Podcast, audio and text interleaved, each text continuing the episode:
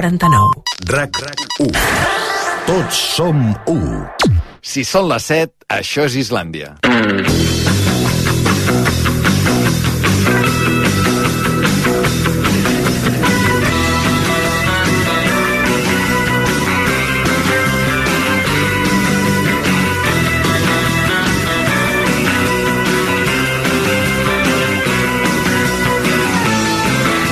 RAC 1 Islàndia.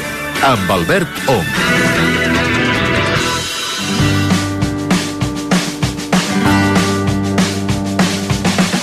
Hola, el meu nom és Juliana. Bé, us dic que tinc 59 anys. El meu record d'Islàndia és per mi molt important perquè jo, el meu ofici era de xòfer d'autocars internacionals i feia una línia low cost. Llavors, eh, la meva hora d'arribada a Milano era més o menys eh, entre les 6 i mitja a les 7 Bé, i llavors, eh, com a professional del, del, del volant, tenia de fer les hores de descans i ja em veies a mi, no corrent molt per l'autopista, però sí pensant en que tenia d'escoltar-vos, perquè amb el wifi del, de l'autocar jo aprofitava que començàveu a les 7 per netejar l'autocar i fer el descans. Ah, Llavors, aleshores, per mi, escoltar a Islàndia és un record molt bonic perquè estava tancada dins de l'autocar i és com si estigués aquí, a Barcelona, on vist. Hola, bona tarda. Bueno, sóc en Josep, sóc taxista i us escolto des del primer dia tot el programa i estic una mica depressiu i emprenyat i, bueno, que ens heu fet passar una bona, bona estona i que tot l'equip i tots els col·laboradors que tingueu molta sort. I bueno, pues ja ens en recordarem molt de vosaltres i que us vagi tot molt bé, que ens heu fet passar una estona molt feliç. Gràcies i bona tarda. Hola, bon dia. Us deixo un missatge des d'un poblet del Baix Aragó que es diu La Cerollera, a la província de Terol. Em vaig venir aquí fa prop de dos anys i continuo escoltant-vos, igual que us sentia quan, quan estava vivint a Terrassa. I el meu, el meu record, el record que em quedarà de vosaltres és la calma, la quietud, la pau, no sé, feu un programa tan meravellós que no sé a qui li tinc que, que guardar rancúnia perquè, perquè plegueu però és molt trist, jo em quedo molt trist em quedo com orfa, he sigut sempre persona de sentir la ràdio des de que em llevo fins que em fico al llit. I aquesta, aquesta horeta i mitja de tranquil·litat i de bones entrevistes i de bons reportatges i de bones seccions i, i moltes de jiji jaja la veritat és que és difícil quedar-me amb un record, però bueno, és això. És el carinyo que us tinc, sou com, com uns amics que mai he vist i que quedaran per tota la vida i que, que allà on aneu aniré jo amb vosaltres. Llepa! Ja, que comença, que comença. Bueno, que s'acaba, que s'acaba. Eia! Mira, ho faré per l'últim cop. Ah! ah! Uh! Llepa! -i! Guillem Albà, bona tarda. Arriba la calma. Arriba la, sí, eh, la calma, la quietud, i pensar que t'estava definint perfectament a Par tu, eh? Parlava de mi aquest senyor de la cerollera. jo, hòstia, Albert. Què és l'ú- passa? No, que és l'últim dia que vinc, les dents, i totes les coses que estic fent, eh, me n'he donat que és l'última vegada que ho estic fent. Ara m'ha fet mal quan he sentit això de dir vaig a fer per última vegada aquest... Ahà. Mm, No n'era conscient, però... Doncs no, no era l'última vegada perquè la podem tornar a posar des del principi perquè no fos l'última vegada. Va, va, que s'acaba, que s'acaba! Ara sí que ho fem l'última, eh?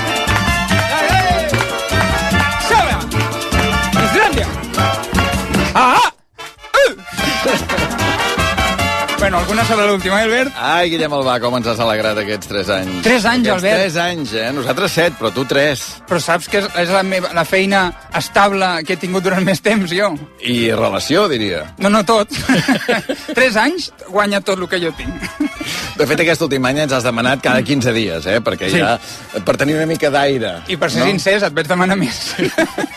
Més, em vas demanar? Sí, sí, sí, no passa res. Vaig fer com el Johnny Depp, saps que diuen que ell volia portar una dent d'or i va demanar la dentadura sencera? expressament, i et vas dir, de cada un cop al mes, Albert. Tu m'has dit, home, no et flipis, Guillem. cada 15 I vas dies. fer no? l'esforç de venir cada 15 dies. No, bueno, no, m'ho he passat superbé. I avui és l'últim dia del Guillem i divendres serà l'últim dia d'Islàndia. Estem aquestes dues últimes setmanes recordant moments. Ho podeu continuar fent. Ens fa molta il·lusió rebre aquests records radiofònics. Els estem posant tots en un àlbum. Ens envieu notes de veu al 669 700 300. Potser no sonaran totes amb antena, però intentem, intentem que en sonin moltes i ens les escoltem absolutament totes, que ens fa molta il·lusió. No, no, és increïble sentir la gent. Tu saps els missatges que estic rebent? Segur que tu també, evidentment, més, de, de gent que diu però què, què està passant? Però per què marxeu? Este, I, i m'envien emoticonos Però, amb però no el que ha passat avui? Que, escolta'm, uh, Nació Digital, test Ah, sí. que fan a tots els candidats, que és, una, és un dels imprescindibles d'aquesta campanya electoral, que la Mhm. gent està veient per on els enganxen. I avui el test que ha publicat Nació Digital és a Gabriel Rufián, el candidat d'Esquerra. Em pots dir el primer fet polític que recordis o que et va impressionar? Eh, un discurs del subcomandante Marcos. Em pots dir un programa de rac que no sigui el de rac Ah, sí, Islàndia. Home, gràcies, gràcies a Gabriel Rufián, que s'han recordat de nosaltres, un programa de rac que no sigui molt a rac i diu Islàndia. Clar, perquè és lo, és lo fàcil. Vaig veure un altre que també li van dir, un de Catalunya Ràdio i no sigui el matí, perquè per inventar-te això que vaig dir, lo del matí. Joder, sí, sí, sí, molt bèstia, Albert. Per cert, eh, avui últim, Last Dance del Sí. Guillem Albat i divendres últim programa nostre. Dimecres, per això, farem la festa islandesa a la sala Luz de Gas de Barcelona. Una gran festa per celebrar aquests 7 anys de ràdio. RAC 1. Islandesos, islandeses... Que comença, que comença!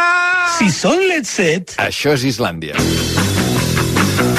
Avui a Islàndia, Hòstia, el perrús no. El pla de pensions jo me'l vaig polir a les nits a París. Ot, Roc, Nil, Jean Paul, Iu, Ada, Ona... El primer dia que em vas oferir treballar amb tu, jo vaig mossegar a l'entrepà i em vaig trencar un queixal. No! Vuitè i últim vaticini, Elisabet II continua sent la reina d'Anglaterra. Sí, sí, no sé si es durarà més ella que l'Islàndia.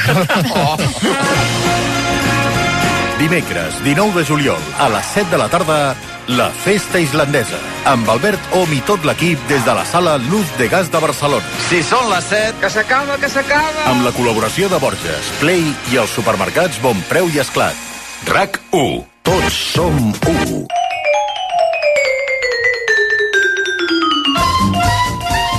Recordeu que aquesta vegada necessiteu invitació per entrar a la sala Luz de Gas. Vam fer un sorteig. Si divendres no us va arribar un mail amb les invitacions, vol dir que no podeu venir a la sala Luz de Gas. Hi havia més de 2.000 peticions.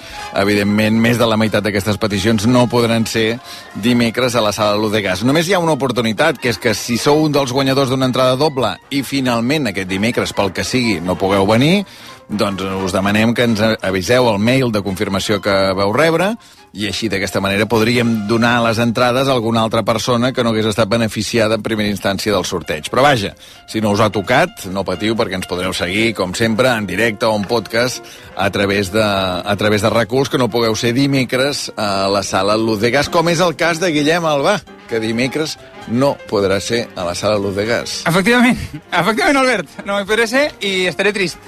Però tinc un, un, una cita guardada des de fa un any. Mm, eh, Jo és que no sabia que s'acabava el programa. Llavors, clar, ja m'havia preparat una cosa jo per aquest dimecres. Si no m'ho hagués guardat, però no puc. Bé, uh, Guillem Albà, tot el que havia de dir uh, ja ho he dit, o sigui, Perfecte. per tant, és tot teu. A partir d'ara uh, comença Albània, o sigui que tot el que vulguis. Bueno, bàsicament, eh, et vull explicar coses que, que, que m'han quedat pendents. O sigui, a mi molt bé no, no em va que s'acabi el programa, perquè tu saps que sempre apuntava, bueno, segueixo apuntant idees, però tinc Islàndia allà notes del mòbil i vaig apuntant totes les coses que em passen pel cap. Llavors a mi encara em queden moltes notes al mòbil O i sigui- no, no s'ha fet servir en 3 anys, no he acabat tot. No ha coincidit que tot el que haguessis pensat ho hagis pogut fer. No ha coincidit això, eh? M'ha faltat temps. Mira, això una vegada m'ho va dir la Maruja Torres, que sempre, quan es mor algú, sempre, ah. sempre es mor algú que té projectes per fer. O sigui, mai et mors i ja ho tens tot fet. Això no passa. Hòstia. Llavors, amb això és el mateix, Guillem, has d'acceptar que aquestes idees, doncs, bueno, potser les hi pots vendre a algú altre. Mm, bueno, jo t'ho explico, si algú li sembla bé que me les compri. Imagina't que ara em donen a mi l'any que ve de 7 a 8 i mitja. Imagina't, imagina't. No passarà. Bueno. A veure, va. Mira, coses que... Què hauries fet que no has tingut temps de fer a Islàndia? Home, una, mira, una cosa que n'he fet en 3 anys canviar la sintonia. La sintonia aquesta que hem escoltat, A1, que jo vaig pensar que me la tombaries quan te la vaig passar per mail, aquesta, Home, que m'has dit... Fantàstica. Sí, però al principi Això no. vols canviar? Bueno, podria plantejar-m'ho, diguéssim, no? Jo vaig pensar, tu em vas dir, aquesta música no és molt Islàndia, quan, quan vaig començar, però ara, escolta'm, ja la tenim mm, no, integrada. Llavors jo he preparat, m'he gravat amb l'ukelele, jo una cançó feta per mi, del que podria ser una sintonia, vale? Te l'ensenyo, perquè podria ser una Sí, nova hagués secció. hagut una vuitena temporada d'Islàndia, la sintonia que ella va, potser hauria sigut aquesta? Per exemple.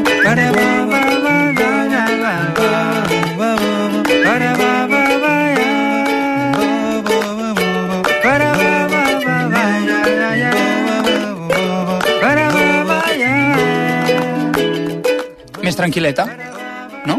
Està tot fet amb veu, amb ukelele... Potser no ha anat tan malament que s'acabés Islàndia. Però és una cançó feta a mà, una cançó feta així tranquil·leta. Jo, perquè jo la següent temporada hagués fet alguna més tranquil. Algo més tranquil. A mi la meva energia no em demana fer crits i això. A mi em demana explicar de parlar de coses tranquil·les i parlar-te així, Albert, saps? Tinc una altra molt similar, s'ha dit, també per fer-ho tranquil·let. A veure. Et semblarà molt, però és diferent. És també, feta a mi. va, va,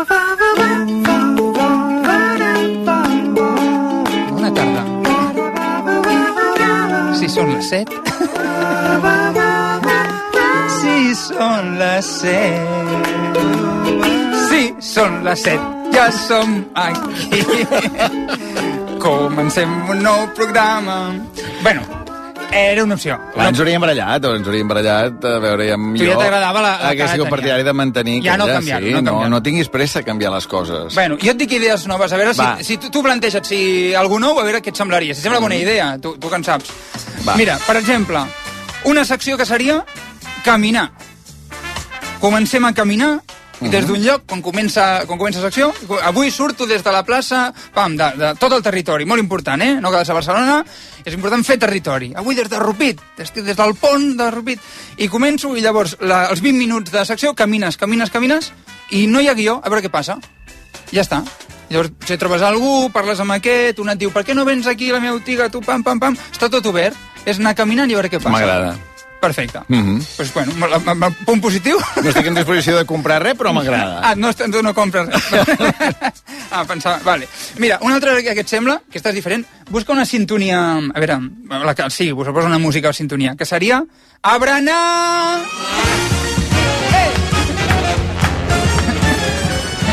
I llavors, a la secció de berenar, truquem els oients mentre es brenen, i llavors, com els nens, després de l'extraescolar, mm -hmm. i li dic, què, Joan, com t'ha anat el dia?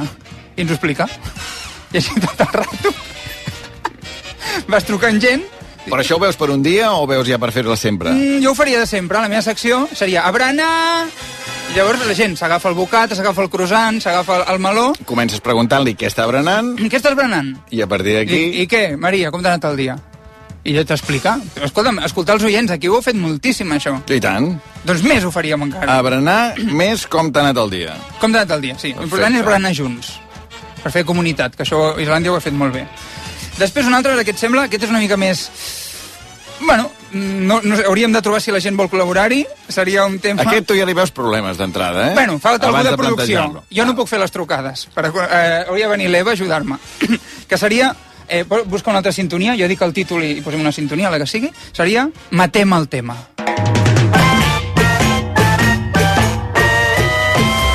Matem el tema! S'ha acabat! S'ha acabat! En què consisteix? Ma- Matem el tema? Eh, tu saps que hi ha gent del, del mundillo, cantants, artistes, tal, que han tingut algun afer, ha passat alguna cosa i no sap, mm, ja no volen parlar-ne o no sabem ben bé què ha passat? Per exemple, jo dic, jo potser ara, per exemple, la Bet, la Bet, que va a Eurovisió, ara ha fet un documental Per matar el tema. per matar el tema, perquè ella mai volia parlar que Eurovisió va ser un tema complicat, la gent li preguntava i no, no volia parlar-ne, no? Sí, tu, la Bet era una de les que tenies a la, llista. La Bet jo la tenia apuntada. De fet, li vaig proposar i va dir, doncs farem documental. o, o el Marc Parrot, que, va dir, que diu, el xaval de la P, que diu, jo sóc el Marc Parrot ja. No, no, parlem del xaval de la P, que Marc. I matem el tema. Saps? Llavors, segur que n'hi haurien molts. O, per exemple, la Mònica Van Campen, actriu, que ha fet moltíssimes coses, i, i pobra, va fer un anunci on ensenyava una mica l'escot i tothom li parla d'aquell anunci. I diem, per últim cop, per, matem el tema. O la... Ara, ara pujo un nivell. O la Leticia Dolera, que va passar alguna amb l'Aina Clotet, que no sabem què va passar. Ajuntar-les. Ens ho expliquin. I matem el I tema. matem el... I ja està, i I s'ha matem el acabat. tema. Eh, teatre, guerrilla, que ens ho expliquin. I ja està. O la Xenoa, si el, el Bisbal li va fer aquella cobra, es veu, a l'últim concert, que ens expliquin, que ens expliquin. I matem el tema. Moltes gràcies, fins aquí la secció.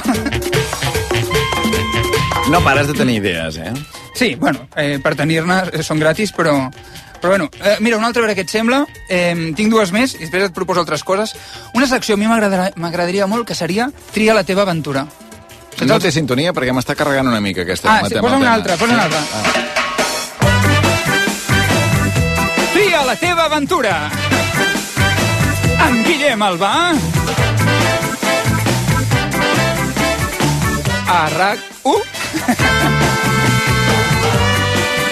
Aquesta seria...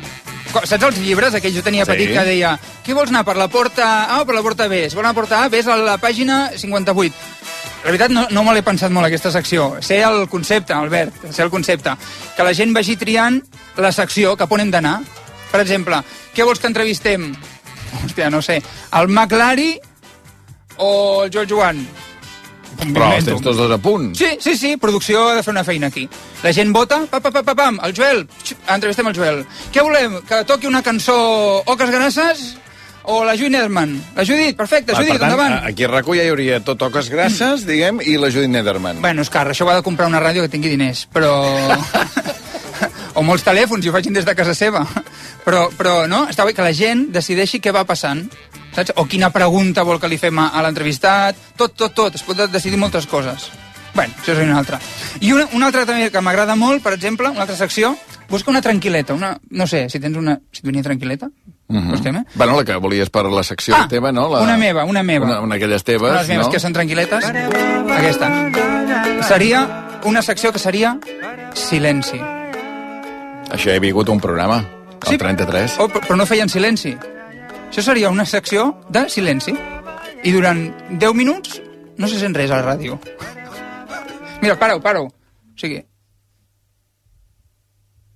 Així, 10 minuts. 10 minuts, eh? Bueno, perquè el silenci és sa, i va bé, i és necessari. Mm. Llavors la gent, si tu no li poses, la gent no, no, no para. La gent sempre està fent coses tot el rato. Llavors això va bé perquè la gent té la ràdio posada, no ha de fer l'esforç de dir, hòstia, paro la ràdio, que va molt bé respirar 10, 10 minuts, i la ràdio li ofereix 10 minuts de silenci. Saps? Està guapo. Ah, Inclús... portem 10 segons, eh? Uf, es fa llarg, es fa llarg, però bueno, lo important és que no hi hagi ningú davant del micro. Però, I la gent, tu estàs fregant i dius, ai, I llavors- silenci, i ja, ja no ho vas a buscar. Tu et veus en cor, eh, defensar davant de la direcció que tu cobraràs per venir a fer silenci? Mm, Perquè tu vindries, o, o no, o ja si és per, per, per, silenci... dir, per dir la veu, comença silenci. no, Però dir, això ho podries tenir gravat. no, no, no s'ha de venir per dir-ho diferent cada to. Va. Avui, una mica de silenci. I un altre dia ho dic diferent. Què us sembla una miqueta de silenci? I vinga, cobrar. I anar a cobrar. Bueno, doncs potser està guapo. Amb els humans, que ens costa, adults, que ens costa tant fer les coses, potser hi hauria algú que posaria la ràdio expressament per tenir silenci. Saps? I Així com som. no, no, que surt el Guillem Para, el Guillem. para, que ara fan silenci. I.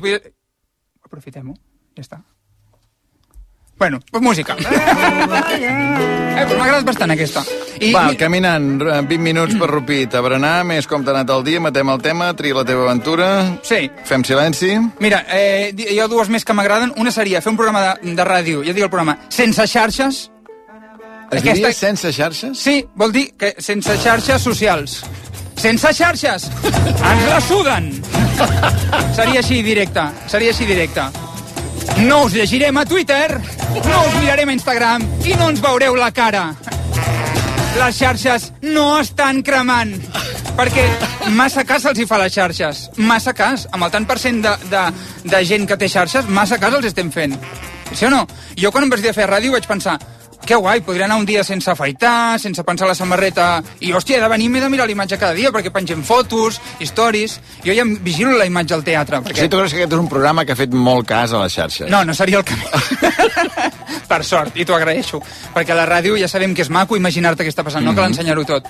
Però un programa on no es fa cas de res. Avui farem una enquesta, no es fa enquesta a Twitter. Pensa tal, home, que és molt fàcil fer una enquesta a Twitter. Ocupa 10 minuts de programa sense, sense Twitter. No, no, no es fa cas. M'agrada perquè penses una cosa i la contrària, eh? Tria la teva aventura, que té la veu, Bueno. dones la veu als oients, i en canvi llavors eh, és igual, no ens importa la vostra opinió. No, no, no ens importen les xarxes. Ah. És que les xarxes fan mal, ja ho sabem, no farem ara aquí un... Però m'ha agradat molt, no tant el discurs que tens sobre això, sinó com quan presentaves aquest, aquesta secció. Pots tornar a començar la sintonia i presentar com seria la secció sense xarxa? Sense xarxes! Ah! Ens la suda! No us llegirem a Twitter, no us mirarem a Instagram i no ens veureu les cares. Avui a Sense xarxes. No, perquè podem escoltar els oients, però no les xarxes. Que truquin per telèfon, que vinguin aquí, com es feia antes. De fet, a mi, Albert, mira, posats a dir, a mi, jo, jo he vingut aquí 3 anys per intentar donar alegria, passar-ho bé, aquest era l'objectiu. Algun dia no ho he aconseguit perquè, hòstia, algun dia jo no estava content. I ja sabem que aquesta feina no és fàcil.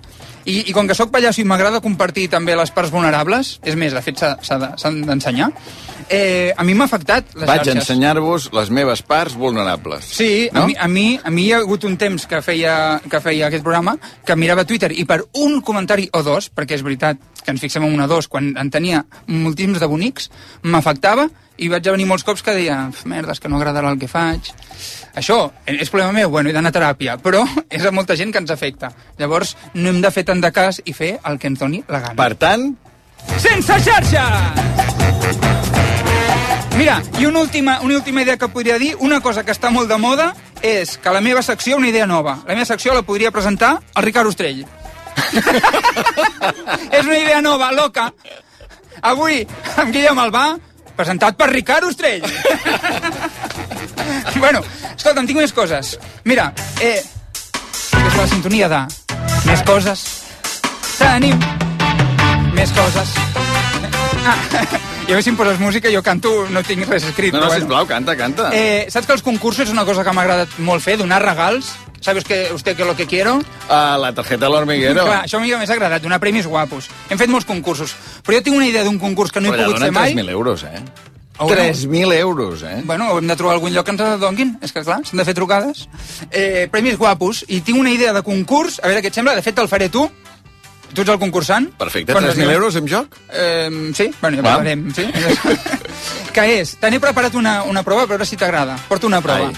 Que és gent coneguda fent veus estranyes. Saps? Com si digués, hola, Albert! I has d'endevinar qui és aquesta persona coneguda que falseja la veu. Però tu has demanat a gent coneguda que facin veus estranyes o ja existien? No, no, no. Jo els he dit, podeu fer aquesta secció, que no la farem mai més, és només per, per, per una idea nova que tinc i que no es farà mai. Em podeu ajudar, per favor? Tinc dos, dos propostes, dos exemples, per, per explicar-ho a la ràdio, a veure si els agrada. A veure. Mira, la primera, atenció, silenci, a veure si, si endevines qui és. Hola, Albert. Saps què sóc? Perdona. Home, potser es nota una mica. Sí? No, no, sabia, no saps qui és? A veure. Hola, Albert. Saps què sóc? Home, Joaquim Luna! 3.000 euros per l'Albert! Ha intentat dissimular la seva veu, que no era fàcil. No era A fàcil. veure, a veure, torna a posar. A veure, la mateixa. Albert. Saps què sóc? Ha intentat fer-la fluixet. Està bé, és, és un concurs. Sí, sí, sí, sí, sí. I, I així, doncs, molta gent, molta gent coneguda. Mira, un altre exemple, et poso un altre si endevines, va? Atenció. Hola, Albert. Escolta, sabries dir qui sóc jo? Ah! La veu? Albert, em reconeixes la veu o no? Vinga, Dios. Ni idea, aquest. Hòstia, és boníssim, Albert. És boníssim. La gent s'ho curra molt, la veritat. Crec que seria una secció que tindria molt de joc. acota'm una mica, perquè clar, el Luna, perquè la segona he pensat que era el Luna, però vull dir, est estic pensant sobre tot Catalunya. T'ho acoto molt. Sí. Home, mo... vull dir, què? Islàndia. Islàndia? Joder, t'ho he acotat de l'hòstia, eh? Equip i col·laboradors, eh? Tot. A veure. Hola, Albert. Escolta, sabries dir qui sóc jo? Que em reconeixes la veu. Albert, em reconeixes la veu o no? Vinga, Dios. L'Albert està pensant a la secció de No, no ho sé. veus. No ho sé. Tenim veus o... He perdut els 3.000 euros d'abans. Sí, no, m'has de pagar 3.000 a mi ara. Va així aquesta secció. Qui era? Descobrim-ho. La Carol! Va. La Carol Saliner, sí. Mira, torna a escoltar. Hola, Albert. Escolta, sabies dir qui sóc jo? Que em reconeixes la veu. Albert, em reconeixes la veu o no? Vinguen, dios. Mira que, la, mira, mira que la coneixes. Home, sí, clar que la conec. I Fa 20 anys que la conec. Hòstia, pues potser és molt difícil aquest concurs, eh? Bueno, imagina't el Guardiola un dia fent una veu, també. Hola, Albert! Saps qui soc? Soc el Guardiola. bueno, és una idea de secció. Val, bueno, perfecte. Una altra. Mentre concursin els altres... Perfecte. Jo eh, et faig una altra, a veure Ah, si... un altre concurs? Un altre concurs, un altre, un altre idea de concurs. És diferent, és diferent. Aquesta no t'agradarà, perquè sé que és difícil. Però és, atenció, silenci, jo picaré a la taula, així, una melodia. I has de saber quina cançó és. Faig la tornada. Per, saps? Com ca, cada cop que pico... Però tu has vingut aquí a fer una última secció, has vingut a putejar. Bueno, eh, estem tu i jo, Albert. Val, sí, que- sí, sí, no, fem? clar, la Maria Xinxó no hi és, Maria avui Xinxó no demà hi ja hi serà, però avui no hi és. Eh, eh, clar, no la veuré mai més, jo, la Maria. Però bueno, Ah, va, home. bueno, escolta'm, una cançó molt coneguda. Ja t'ho dic ara, Takotu és una cançó del verano. Del verano. Del verano aquest, no. D'un vera, del verano del 97. D'un verano, val. Fa, així- fa així, eh? Atenció, eh?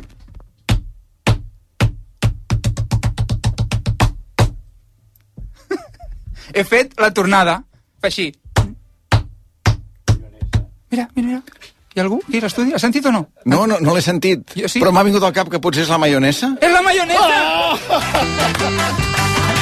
Mira, te la canto, te la canto la vegada. A veure, a veure, El ja. concurs va així és. A veure. Mayonesa, que yo te bato como haciendo mayonesa. Molt Bueno, bé, eh, molt bé. Sort del públic, sort del públic avui. És que la gent en sap, Albert. Bueno, eh, més coses, més coses. Música de més coses.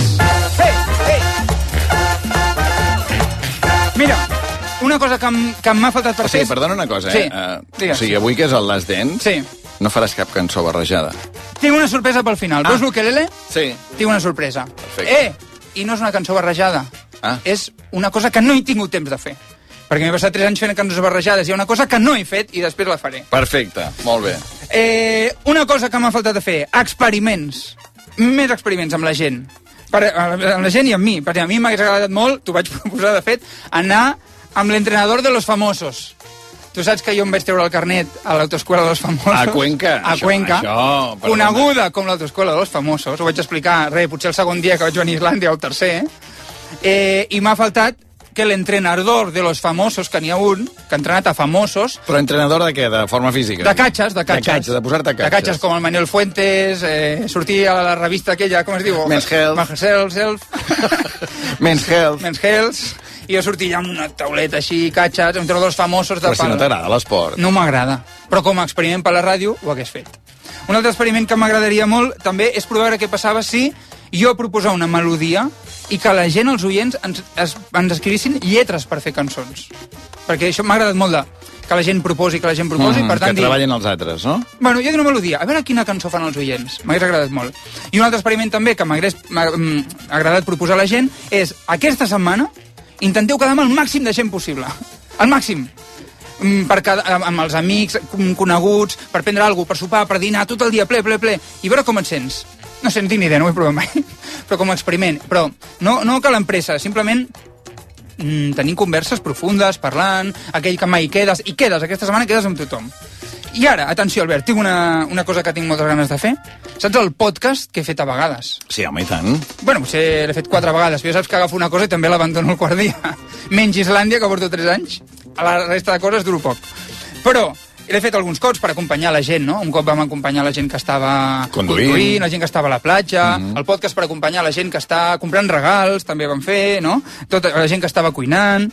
Doncs crec que, bueno, això podria donar per molt més, no? Fer un podcast que sí per acompanyar això, la gent que està fent exercicis, els que estan amb els nens, eh, m'agradaria fer-ne un per la gent que no està fent res, que també algú hi haurà, i un que m'hagués agradat molt fer, i escolta'm, anem, anem a fer-lo, però així com a exemple, a veure què passa, seria aquest. Felicitar, el podcast per acompanyar la gent que està a la dutxa.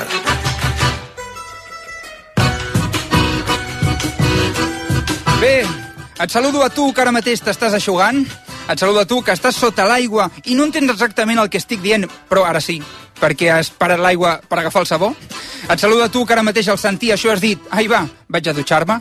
També a tu que acabes de descobrir per tercera vegada que se t'ha acabat el sabó i un cop més no n'has anat a comprar. I en tu que portes tota aquesta estona esperant a que l'aigua deixi d'estar freda, va, posa't ja a sota. Amb la broma, ara que són en punt les 19.29, les 19.30 en punt, hi ha molta gent que ens està escoltant mentre s'està dutxant. Per això vull fer una ronda de dutxes. Truquem ara mateix a Tiana, on ens trobem amb la Bel Caral. Bona tarda, Bel. Com va la dutxa per allà? La temperatura puja ràpidament al lavabo de casa, és petit i això afavoreix que s'escalfi ràpidament en aquests moments 28,4 graus. El fet que sigui petit també afavoreix una ràpida condensació. Ara mateix eh, poca visibilitat, una boira eh, densa, espessa. M'ha costat trobar el pot de xampú, però l'he trobat, ja ben sabonat, i ara estic acabant d'esbandir-me, ja m'he repicat una mica el que seria la panxa, les cuixes i les galtes del cul, rituals, i ara l'últim ritual, el de la dutxa freda per sortir del lavabo renovat. Molt bé, gràcies, Abel. Tornarem a connectar amb tu més endavant. Connectem ara amb una altra persona que també coneixes, Albert, que és a la dutxa. Endavant, connectem... M'acosto amb determinació al raig d'aigua freda i em situo just a sota. Mare de Déu, està glaçada però val la pena. Està glaçada però val la pena. Caldrà ensabonar-se ràpidament i esbandir-se. Dutxat! Dutxat, dutxat, dutxat. Moltes gràcies, Joan Maria Bravo, Pou. bravo. Fins aquí el podcast. Fins un altre. Un aplaudiment.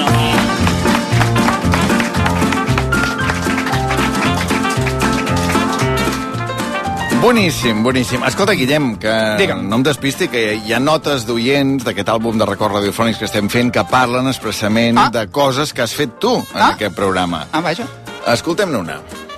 Hola, Islàndia. Doncs estic aquí pensant en records i moments de, del programa i se'm fa molt difícil escollir, però, però bueno, crec que em quedo amb les dones 10 perquè tenen un sentit d'humor i una creativitat és que són increïbles i, i m'encanta la seva secció. I bueno, a mi em recordareu per suggerir-li al Guillem Albà uh, una visita al Museu de la Vagina a Londres que de fet des de llavors crec que l'han tancat. O sigui que ja, Guillem, ja no el podràs visitar. I, i res, dir-vos que, que m'heu acompanyat durant molt de temps um, sobretot quan he estat visquent fora de Catalunya. I ara que tornaré a marxar, segurament de forma indefinida doncs em sap molt greu que, que no, no em pugueu acompanyar. Però bueno, així és. I, i res, que tingueu molta sort uh, que vinguin coses molt bones i, i felicitar-vos adeu, adeu, una abraçada Què, te'n recordaves o no? Quan has sentit la veu ja t'ha canviat la cara, eh? Eh, bueno, però Ah, no, vas enamorar molt d'aquesta veu, Sí, eh? Guillem Albà. no me'n recordo. Com No te'n me'n recordes, clar, és que tens aquest problema. Però quan ha dit lo de la proposta que em va fer sí que m'he recordat. Ja han tancat, eh? Ja, Ja no pots tancat. anar al Museu de la Vagina. Més notes d'oients. Hola, Islàndia. Sóc la Núria de Mataró. Us he estat escoltant gairebé tots els programes al llarg d'aquests set anys i de records podrien, podria dir molts, però em quedo amb les cançons barrejades, que van ser la bomba, i també vaig riure moltíssim el dia que l'Albert Tom va explicar el seu problema amb els calçotets eh, i el dels pantalons que se li havien quedat aquí a l'alçada del, del bessó també vaig riure molt aquell dia. Destacable també moltíssim a la secció amb el Joaquín Luna que m'encanta però eh, en veritat és que sou tots genials. M'ho he passat molt bé amb tots vosaltres i em fa moltíssima pena que s'acabi a l'Islàndia. Us portaré al cor sempre. Un petó Alguna cançó barrejada per la Núria o no? Eh, no, perquè avui porto coses noves. Ah, bueno, com que ella ha dit que li agradaven les cançons Sí, barrejades, no. i que, hòstia, potser tindrà un detall per la Núria. No. Sí, de retall per Núria per una sorpresa. Sí? Va, l'última nota, va. Hola, islandesos. Sóc el Guillem de Figueres i jo bàsicament tinc dos records d'Islàndia.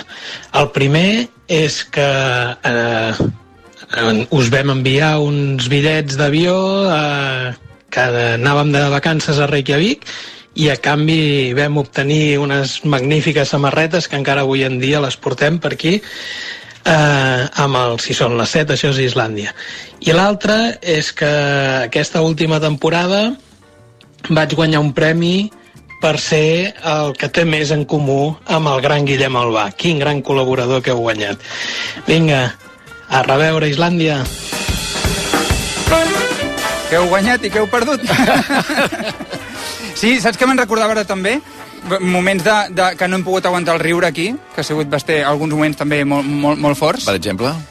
Hòstia, dies que no podíem parlar, dies que jo portava moltes pàgines de guió i no hem fet cap pàgina a les que portava de dalt a baix tot inventat, aquests han sigut els més bèsties. I m'he recordat del dia que van fer ballar a la gent, Oh, aquell dia va ser boníssim. que va- la gent va començar a enviar vídeos mentre corria, mentre comprava, mentre cuinava, ballant una cançó que van posar. Va Te'n recordes de la cançó? Sí. Sí? Ah, la tenim. Eh, ara no sé, ara no me'n recordo. Aquesta! Grans dents! Oh, aquesta, aquesta, aquesta. I que van fer ballar la gent, estigués al cotxe, estigués corrent... I, i, i escolta'm, hi ha gent que sense preocupar-se del que pensessin els altres que l'estaven mirant, va començar a ballar sense por. Perquè així es viu millor. Oh, yes! Escolta'm, abans d'acabar, res, mira, mira, tinc tantes pàgines d'idees, mira, mira, mira, això no m'hi cap, això no m'hi cap, això, espera, això no m'hi cap, això tampoc, aquestes idees No ho noves llencis, que tampoc. potser, escolta'm, tindràs Ah. una oferta de cara a la temporada que ve. Bueno, doncs van tard ja, eh? Vinga, va. Escolta'm, mira, et dic algunes miniseccions molt ràpides. Una minisecció, minisecció, que m'ha agradat és una secció d'olors. No sé com es fa Mhm. a la ràdio, però em fa gràcia a la ràdio fer una secció d'olors. I dir, què et recorda aquesta olor? I no sé, parlar d'olors, molt bé. Una altra que m'ha agradat és cançons, que n'hi ha moltíssimes, amb els accents mal posats. Ara et posaré un Oh, sí, exemple. sí, sí, fa molta N'hi ràbia. ha moltíssimes, que si canvies una mica la melodia queda bé, però si poses l'accent mal posat no s'entén la paraula que estàs dient. Per exemple, aquest exemple, mira. I m'ha parlat del seu país Manel. i de les coses que fa Atenció. aquí amb un castellà força estrany sorprenentment fluid Amb un, amb un castalla força estrany, sorprenentment fluid. Vol dir amb un castellà força estrany, sorprenentment fluid. Però com que la melodia fa així, sembla que digui un castalla. Bueno, o un altre exemple, l'última cançó de l'Aitana, per exemple, claríssima, que és aquesta.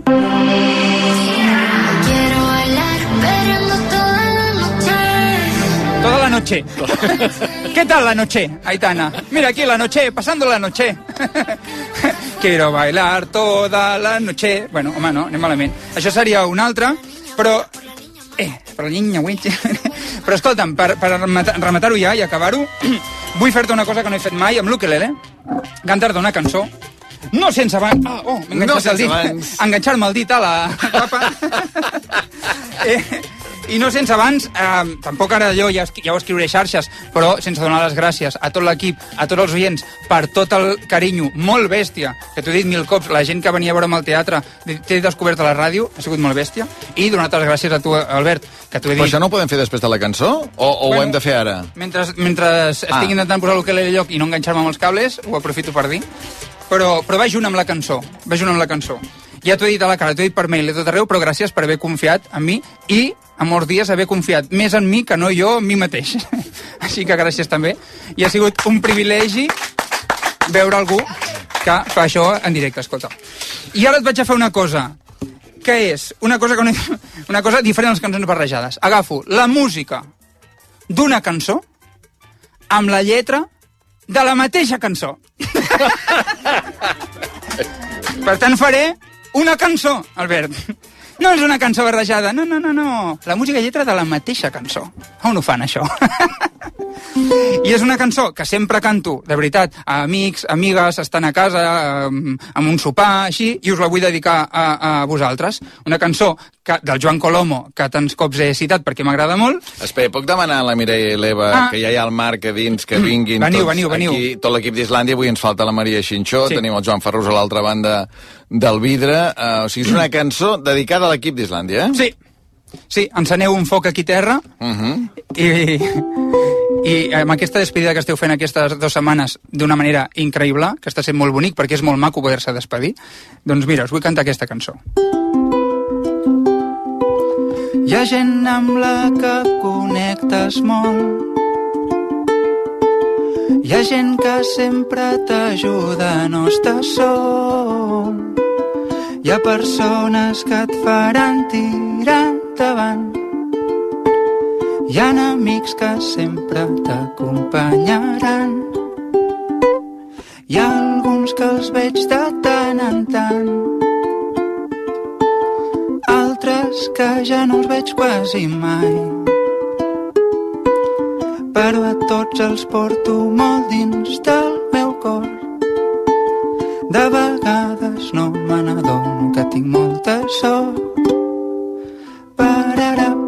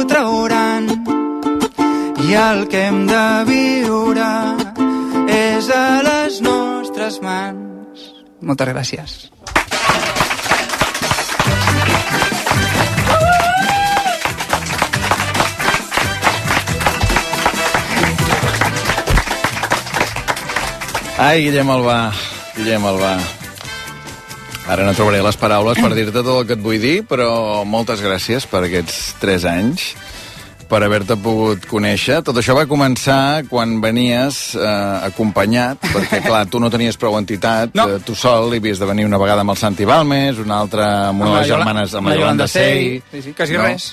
I venia aquí fer entrevistes i dèiem, hosti, és que el Guillem ens agrada molt, és que el Guillem ens agrada molt, fins que l'estiu del 2020, que no sé què va passar, aquell 2020, no? Sí. Una pandèmia. Una abans, pandèmia. abans, abans. Exacte. Eh, A l'estiu del 2020, doncs, eh, això, vam fer maig. Vam, Vam fer, fer maig maig. de seguida. Ens va anar molt bé, ens ha anat molt bé sempre que vinguessis cada setmana, primer els dimecres, no? A més a més, aquell any 2020, jo crec que especialment anava bé tenir-te tenir a prop. Ens ha anat molt bé tenir-te a prop personalment i el programa, el, el programa ha sigut fantàstic perquè era el contrast d'aquesta calma, aquesta quietud que recordaven alguns oients i llavors venies tu i passava tot el que passava. O sigui que gràcies, ens tornarem a trobar, Guillem, segur. Algun dia quedem per prendre alguna No, cosa. home, no. Ens tornem a trobar. Ens tornem a trobar. Gràcies. Voleu afegir alguna cosa? Eva, tu no pots, no? Ara, no, ara no, puc. ara No, pots. gràcies pels berenars, també. Ah, sí, senyor. Els Se cuiden molt, sempre. Fins a l'últim dia a portar croissants. Mireia? Gràcies per les trucades eternes quan preparàvem la secció i per la teva bogeria. Amb el Marc també també la, te la va portar ell durant un temps i després jo. I que has començat sent un col·laborador i has acabat sent un amic. Que bé sentir sinceritat a la ràdio. Sí, senyor. No es pot afegir res més. Guillem, molta sort. Gràcies. Aquest aplaudiment pel Guillem Albà.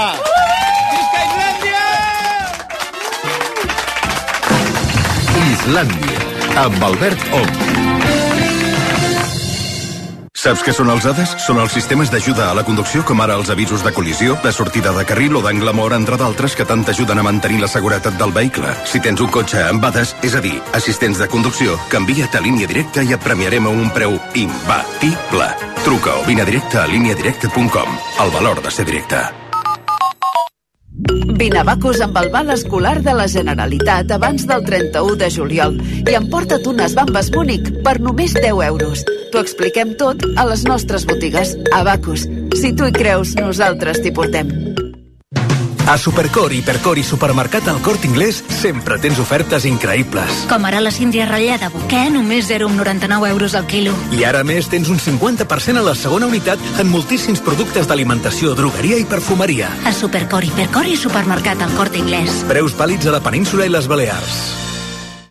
RAC 1. Islandesos, islandeses... Que comença, que comença! Si són let's set... Això és Islàndia. Avui a Islàndia, Hòstia, el perrús no. El pla de pensions jo me'l vaig polir a les nits a París. Ot, Roc, Nil, Jean Paul, Iu, Ada, Ona... El primer dia que em vas oferir treballar amb tu, jo vaig mossegar a l'atrapar i em vaig trencar un queixal. No! Vuitè i últim vaticini, Elisabet II continua sent la reina d'Anglaterra. Sí, sí, no sé si es durarà més ella que l'Islàndia. oh. Dimecres, 19 de juliol, a les 7 de la tarda, la Festa Islandesa, amb Albert Om i tot l'equip des de la sala Luz de Gas de Barcelona. Si són les 7... Que s'acaba, que s'acaba! Amb la col·laboració de Borges, Play i els supermercats Bon Preu i Esclat. RAC 1. Tots som 1. Estil. Cada cop que et miro, penso que t'estimo. Cada cop que em mires, sento que m'estimes. Estiu a RAC 1. Islàndia, amb Albert Om. Són tres quarts en punt de vuit. Ens posem al dia amb la Bàrbara Padilla. Bàrbara, bona tarda. Bona tarda. Alberto Núñez Feijó acaba de fer un míting ara mateix molt a prop d'aquí, al Turó Park de Barcelona. Sí, el líder del PP ha arrencat la setmana assenyalant Vox per intentar rascar vots a l'extrema dreta i fregar la majoria absoluta. Anem cap allà, Arnau Manyer. Sí, és la segona vegada que el candidat del PP passa per Catalunya en aquesta campanya, conscient que juga en bona part de les garrofes aquí a Catalunya i conscient d'això Feijó ha fet la rosca als catalans parlant dels seus impostos. Y mira que ustedes pagan impuestos. ¿eh? Es el pueblo que tiene el impuesto de la renta más alto, el impuesto de patrimonio más alto, y después dicen que los catalanes no son espléndidos. Son ustedes el pueblo más espléndido de España. El más, el que más paga, el que más aporta. El que més paga, el que més aporta. Per cert, Feijó s'ha emportat una ovació gegant, la més gran de l'acte, quan ha promès que si arriba a la Moncloa farà fora a tots els ocupes en menys de 48 hores. També ha parlat del que ell anomena bilingüisme cordial, tot i que en aquest cas mai concreta ben bé què vol dir això de bilingüisme cordial. Doncs gràcies, Arnau Manyer. El míting de Núñez Feijó a Barcelona, que ha acabat ara mateix al Turó Park. D'altra banda, les Nacions Unides avisen que la suspensió de l'acord del gra a Ucraïna per part de Rússia farà augmentar la fam al món.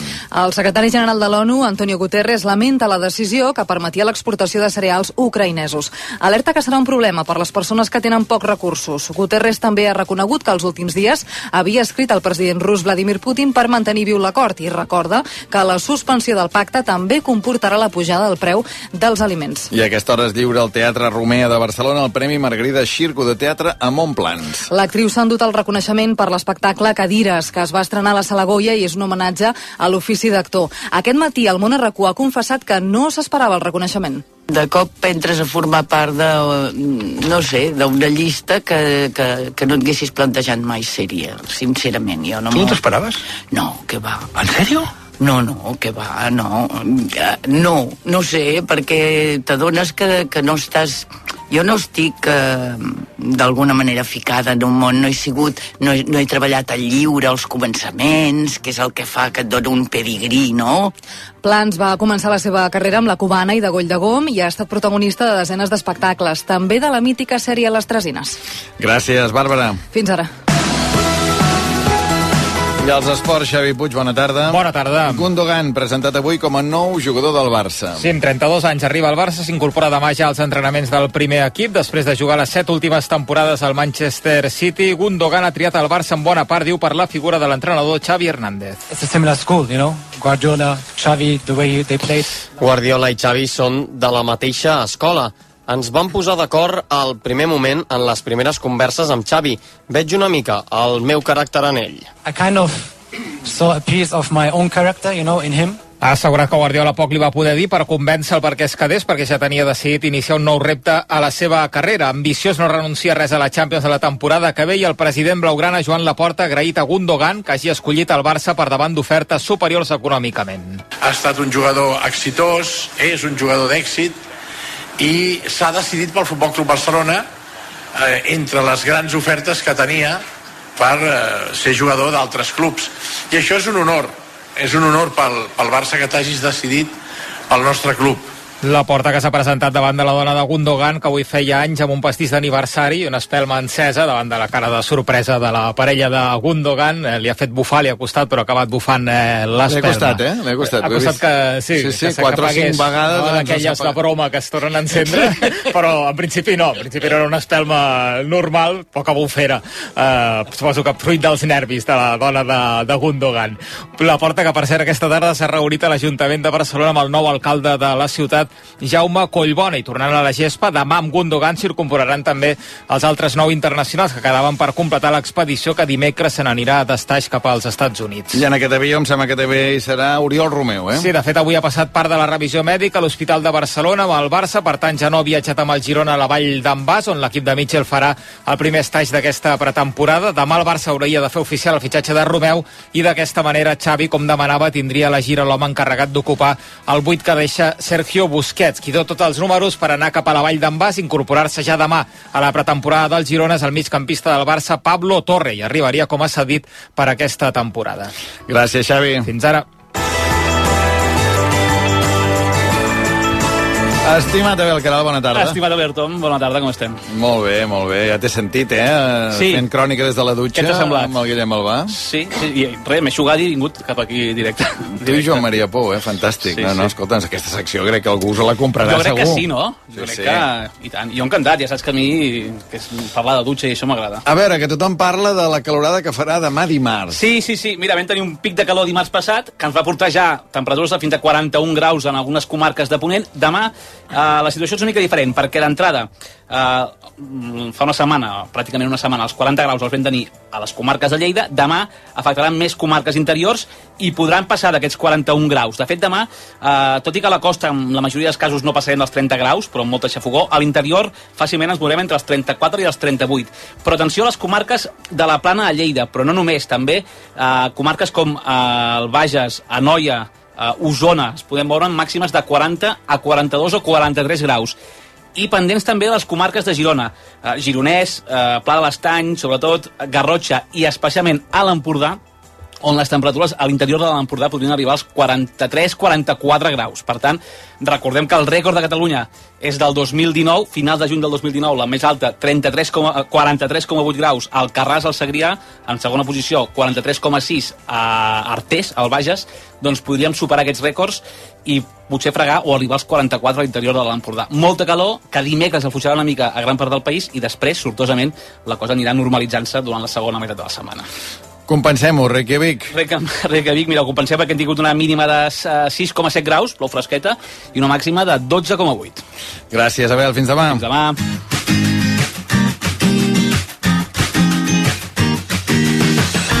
Us ha passat mai que de sobte trobeu en un estoig oblidat una pulsera, un rellotge o joies que no recordàveu que teníeu i que ja no us poseu?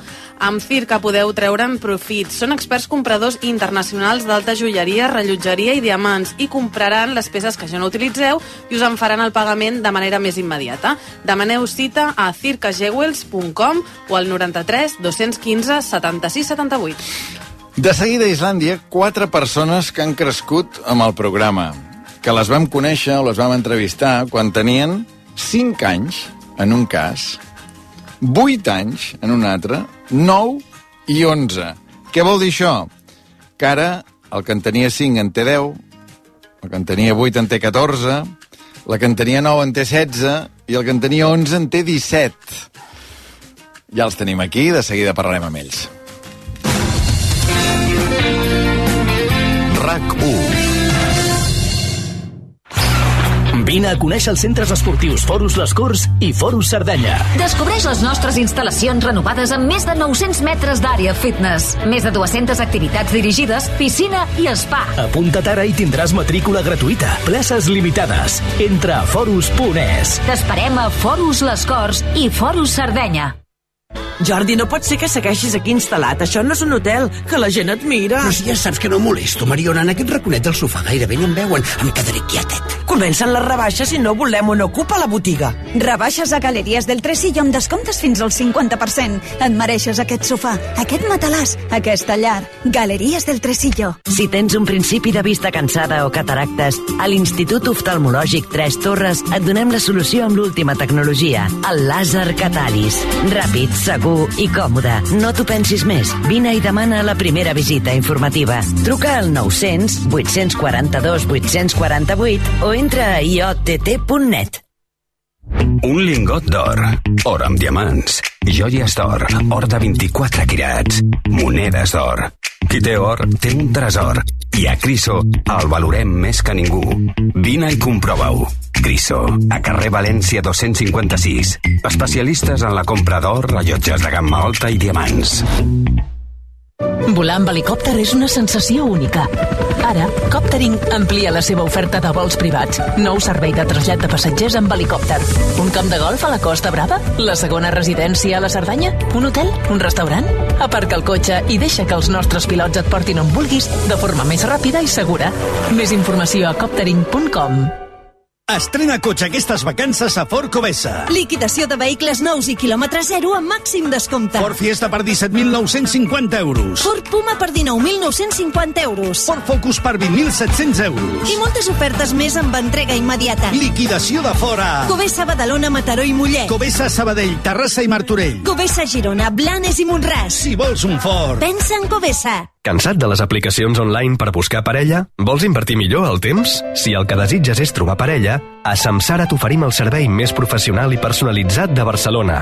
La nostra experiència de més de 20 anys et garanteix que trobarem persones compatibles amb tu. Truca'ns i t'informarem sense compromís. 93 362 23 29. Samsara.es Saps que els nous frigorífics Beko incorporen la innovadora tecnologia Harvest Fresh per a conservar les teves fruites i verdures més temps? Inspirat en la naturalesa, impulsat per la llum. I ara fins al 31 de juliol, amb la compra del teu frigorífic Beko, emporta't de regal fins a 250 euros. Troba les millors ofertes de Beko al teu establiment habitual. Beko, productes eficients i de màxima qualitat. Tens objectes antics i els vols vendre? Miquel Cornelles, compravenda d'antiguitats. Comprem mobles, pintura, escultura, rellotges de luxe i joies antigues. Comprem herències i pisos sencers. Màxima serietat i discreció. Miquel Cornelles, compravenda d'antiguitats. Telèfon 699 47 59 49. El Grec Festival de Barcelona 2023 arriba a Paral·lel 62. Del 10 al 20 de juliol, concerts amb Los Volubles, Luisa Sobral, Lucía Fumero i Rita Pallés, el nou projecte musical de Raúl Refri, ideat pel Grec Festival, Eboé i l'estrena de Los Juegos Feroces, El Día del Watusi. Experiències teatrals úniques i fusions musicals avantguardistes. Grec Festival a Paral·lel 62. Entrades disponibles a p62.cat. Islàndia, amb Albert Ong.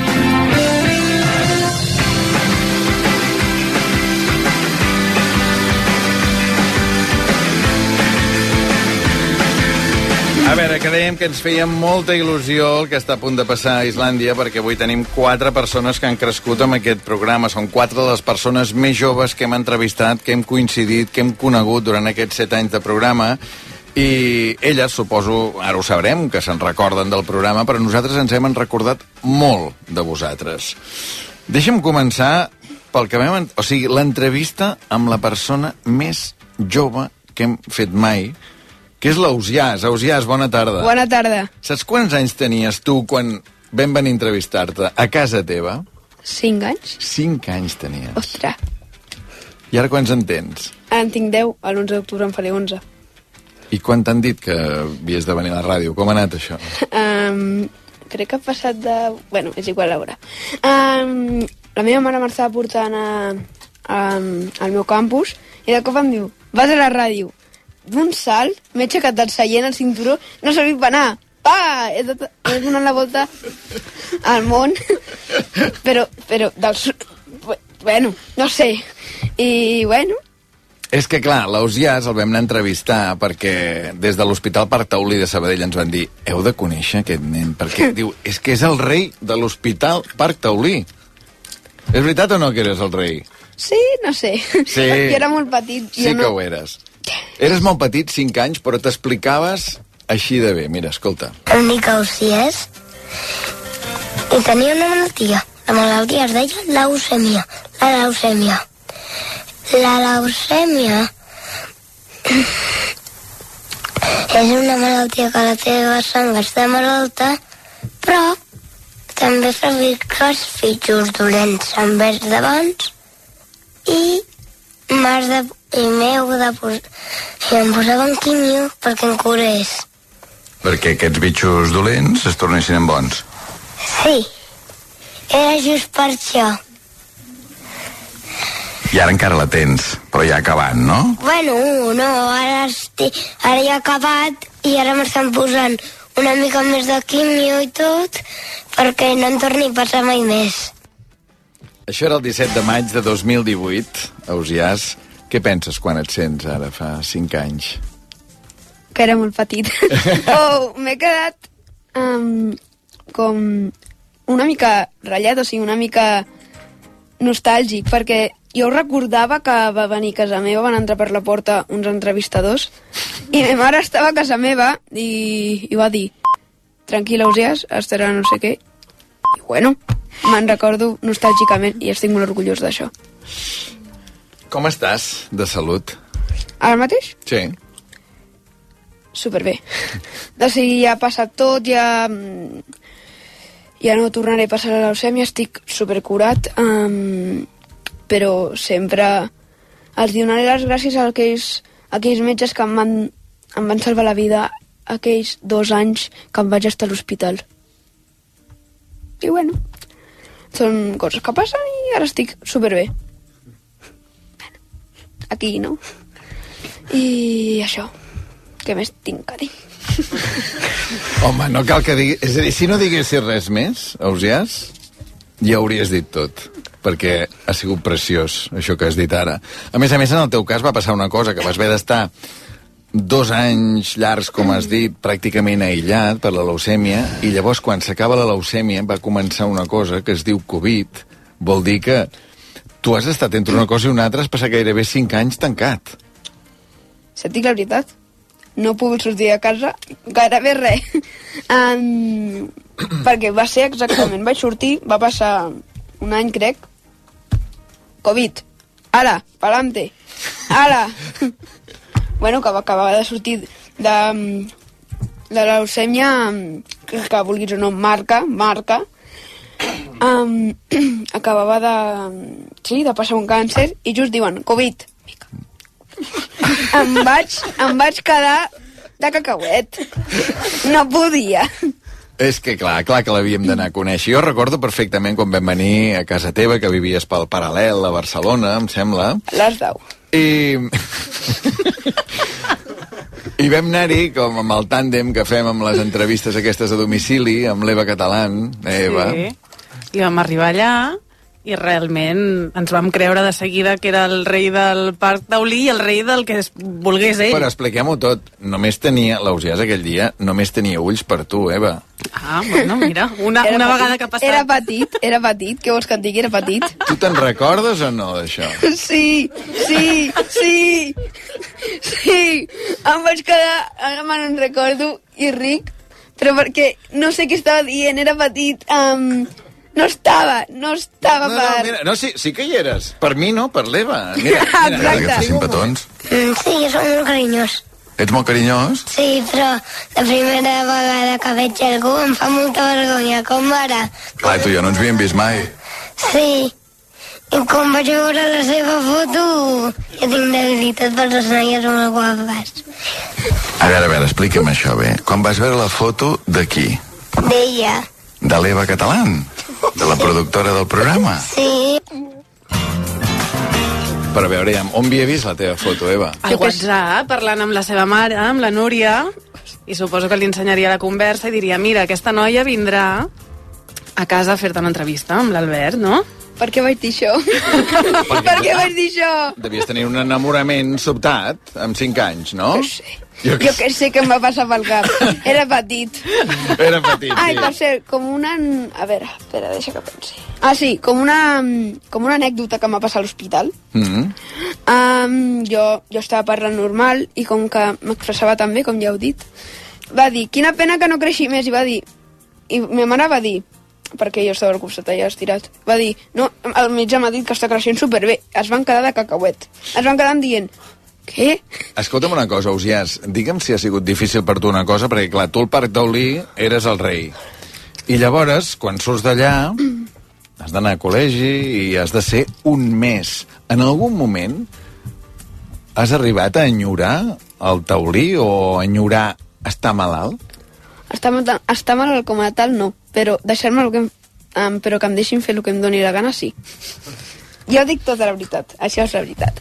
Um, el primer dia de col·le va dir, li vaig dir a ma mare que si no m'hagués recordat d'ella, no me n'hagués recordat, però va dir, um, jo li vaig dir, mm, mama, aquí mana tothom, aquí mana tothom, no puc fer res, i va dir, és que és el col·le, és que és el col·le, um, a, Benvingut al món real, no? Exacte, ha sortit a l'hospital que ja... Posa't a ratlla o et posaran ells. Bé, um, quina bèstia, quina bèstia, Ausiàs. Va, eh, quatre persones tenim avui aquí. Deixem que, deixem que parlem amb els altres, no? També, Ausiàs. He començat per tu, perquè eres el més jove en aquell moment. Deixa'm recordar també ara una secció que va ser molt important al principi d'Islàndia i que tenia aquesta música d'entrada.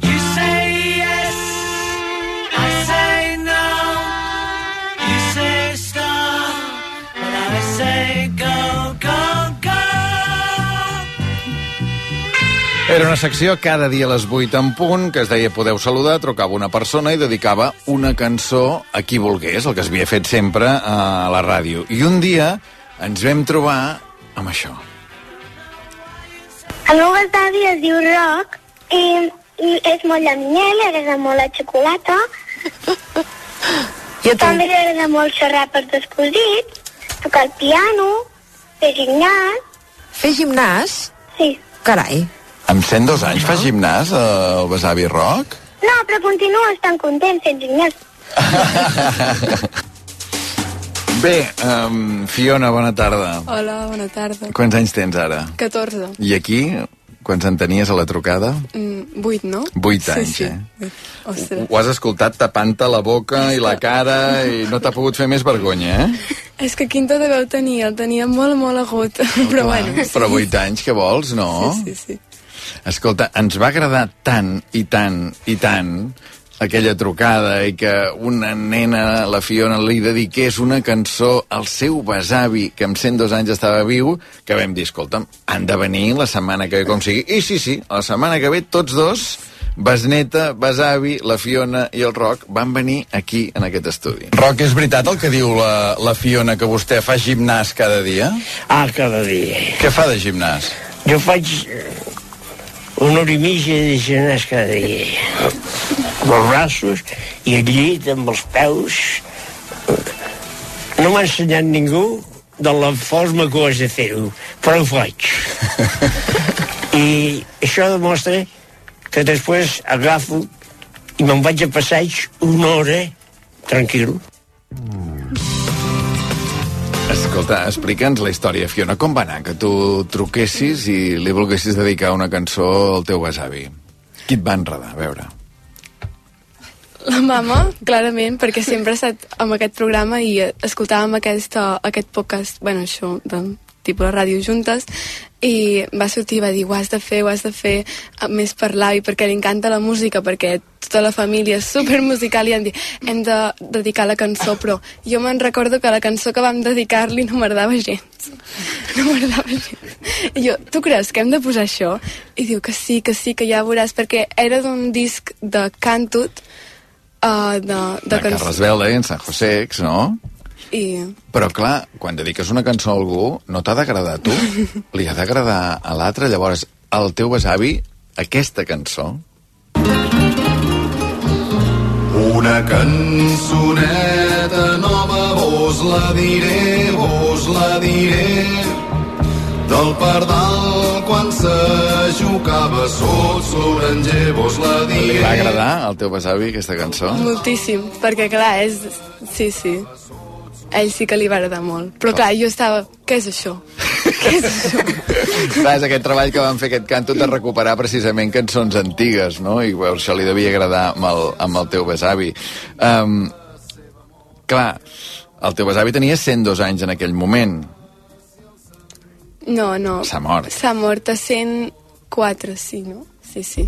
A Fa cent- 3 anys. Fa a 3 104 anys. Va arribar a 104, sí. Tu que has tingut tan a prop l'exemple del teu besavi amb 104 anys, dius, a mi m'agradaria arribar a 104 anys també. Doncs, la veritat, no sé què dir-te. O sigui, sí, però ja quan eren els últims anys ja era com li està costant i ho passaves malament per saber que ell, ell li estava costant perquè no, no disfrutava ser tan gran. Ja havia viscut tot el que havia de viure. Aquest sí que ja ho havia fet tot. I sí, sí. Tu creus que continues pensant el mateix que pensaves quan tenies 8 anys i vas fer aquesta trucada o has canviat de manera de, de veure el món? Molt, molt, he canviat moltíssim perquè um, tot era com meravellós i continua siguent-ho, però a la seva manera també hi ha moments durs que no són tant i sí, sí. A veure, anem a coses concretes. Per exemple, quan vas venir, què ens deies tu? Perquè tu ets de... Besalú. De Besalú, La eh? Garrotxa. De Besalú, sí, home, és que ja senties Besalú, ja senties Besalú, la Garrotxa, clar. I deies això. Fiona, uh, i a tu t'agradaria viure a Barcelona? No, massa gent, massa gent, massa gent. Estàs més bé a Besalú, no? Molt bé fer Besalú. Val, això amb 8 anys. Uh, la Fiona ara en té 14. Al contrari. O sigui, vull venir a Barcelona i ja estic fartíssima de Besalú. vull, vull més gent. A Besalú som tots els mateixos. És que just quan em va trucar la Maria Xinxó em va dir, i tu què vols fer? I dic, bueno, pues quan tingui 18 anys marxar de seguida a Barcelona, perquè vull venir a Barcelona i ja no me'n recordava que havia dit això. Que fort, eh? Sí, sí. És que, a més a més, podríem ajuntar, clar, podem fer una cosa, que és un muntatge, ajuntar els dos talls, és, ui, no, massa gent, massa gent Barcelona, i ara és, vull més gent, vull més gent. Et trobes això, eh, que, Sí, que ara sí. vols més gent. I què fas, ara que, que estàs a l'estiu, per exemple, que, quin plan tens per aquest estiu amb 14 anys? Ara jo el que volia fer aquest estiu era venir aquí, però no m'han deixat. volia venir a tipo, fer algun casal així del que m'agrada a mi de, de teatre aquí, però perquè aquí a Besal- a Besalú, a Olot, no hi ha gaire res de tot això. Llavors, estic, a, estic fent de premonitores, um, tipus nens petits, a, a un casal d'arts escèniques, però això, que som quatre gats. Però aquí hi ha com molta gent, perquè passeges per aquí i dius, mira, aquest seria jo, saps? Però però bueno, vas a lo fem el que podem i estem allà amb la gent d'allà. Bé, eh, li hem donat, quan la Maria Xinxó va trucar a la Fiona, li va dir, home, han passat 5 anys, ara pots tornar a fer una altra, podeu saludar, i fins i tot aquesta vegada, Fiona, si vols, la cançó et pot agradar una mica, diguem, aquesta que no et passi com et va passar amb el teu besavi rock. Uh, la cançó que has triat és aquesta, la sentim un moment, i llavors m'expliques a qui la vols dedicar i per què concretament aquesta cançó.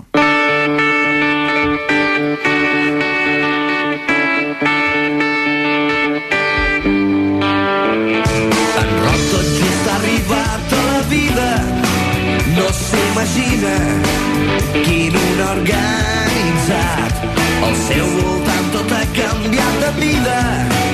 Passant pel prisma d'uns ulls enamorats. El pare que se'l mira i al·lucina.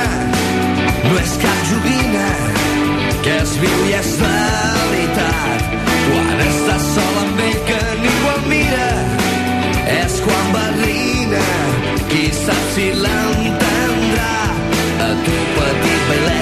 A veure, Fiona, què estem escoltant i a qui li vols dedicar? Estem escoltant Trepitja Fort de l'Axan Busto i quan em va trucar la Maria jo estava em va dir, dedica-li una cançó jo no m'havia preparat res, no sabia què havia de fer i vaig pensar, bueno, el més lògic seria tornar-li a dedicar al meu besavi però no em va sortir, o sigui, vaig dir Trepitja Fort al meu germà Roc, que està aquí i em va sortir impulsiu perquè ara mateix és la persona més important de la meva vida i, i és la persona en què li dedicaria la cançó. O sigui, li havia d'haver dedicat al meu avi, però meu besavi, però no vaig haver de dedicar-li amb ell. I sí, sí. Per què és la persona més important de la teva vida, el teu germà? Doncs perquè sempre està aquí amb mi i doncs just quan em va trucar estava uh, de colònies, vale? bueno, de colònies, en un casal de- d'esport de, i estava molt sola perquè no havia conegut a ningú gaire i estava bastant tipus, no havia fet gaire relació social i, i just en aquell moment em vaig recordar que en Roc també havia tipus, li costava, tenia moltes pors i li costava relacionar-se a vegades i sempre li deia, va Roc, que no és tan difícil. I pues, a mi també m'ha passat i també m'he sentit sola i també l'he necessitat al costat meu i pues, que mm, segueixi endavant i que no tingui por. Ai, que bonic, que bonic, sisplau. El teu vehicle és un cotxet sense retrocés, sempre endavant. Oh, oh, ah, ah. Trepitja fort, sigues més valent del que he estat jo. Dibuixa'ls i un somriure que... Que bonic aquest missatge, eh? Trepitja fort, Roc, sigues més valent del que he estat jo. Quants anys tens, Roc? Um, 12. 12. 12 en Roc, la Fiona que té 14, que ens vas emocionar aquell dia amb el teu besavi, que ens has tornat a emocionar avui amb el teu germà. Uh, no te'n vagis, eh? Perquè, escolta'm, aquí sembla que hi hagi un clan de la Garrotxa, perquè al teu costat uh, tenim una persona que, mira, un dia ens va arribar a Islàndia la història d'un nano que tenia 11 anys, que era sec i que feia de comentarista dels partits de l'Olot a la ràdio. I ho feia així. Bona tarda, a les 7 en punt, comencem aquest Islàndia. No, no ho feia així, és, el- és el 12, Ferrus, el 12. I veiem com l'Olot causa més perill amb les centrades, eh? La primera de Sergio Álvarez, que ha estat molt bona, aquesta segona per part de Tito Malagón. Pere Ribas, bona tarda. Bona tarda. Aquí en tenies 11, eh, d'anys? Sí, sí, sí, 11 anys. I Ara, bé, quants ha passat en el tens? temps, en tinc 17. Ara en tens 17, eh? Què penses quan et sents? Doncs, uh, mira, penso que no m'agrada la meva veu, això en primer lloc, però després, no sé, sempre és aquest record de, de nostàlgia, no? El fet de tornar-me a sentir, tornar a sentir aquell nen que, que gaudia amb el que feia, que, que ara ha seguit sent així, i que aquell nen doncs, s'ha s'ha fet gran i ha crescut. No t'agrada la teva veu uh, d'ara? No t'agrada la teva veu de no, fa 6 anys? La, la meva veu de fa 6 anys. La teva veu de fa 6 anys. Mm. Déu-n'hi-do, eh? Clar, què estàs fent ara amb 17 anys? Mira, jo ara aquest curs he acabat el segon de batxillerat, he fet la selectivitat i el curs que ve començaré periodisme a la Universitat Autònoma de Barcelona. Oh. O sigui que realment aquella idea que tenies de ser periodista, sis anys després la mantens igual, eh? Sí, sí, sí, soc un... no, no, no he canviat massa, he sigut una mica... No ets com la Fiona, que canvia cada dos per tres, diguem, eh? A, a mi no m'agrada Barcelona, no.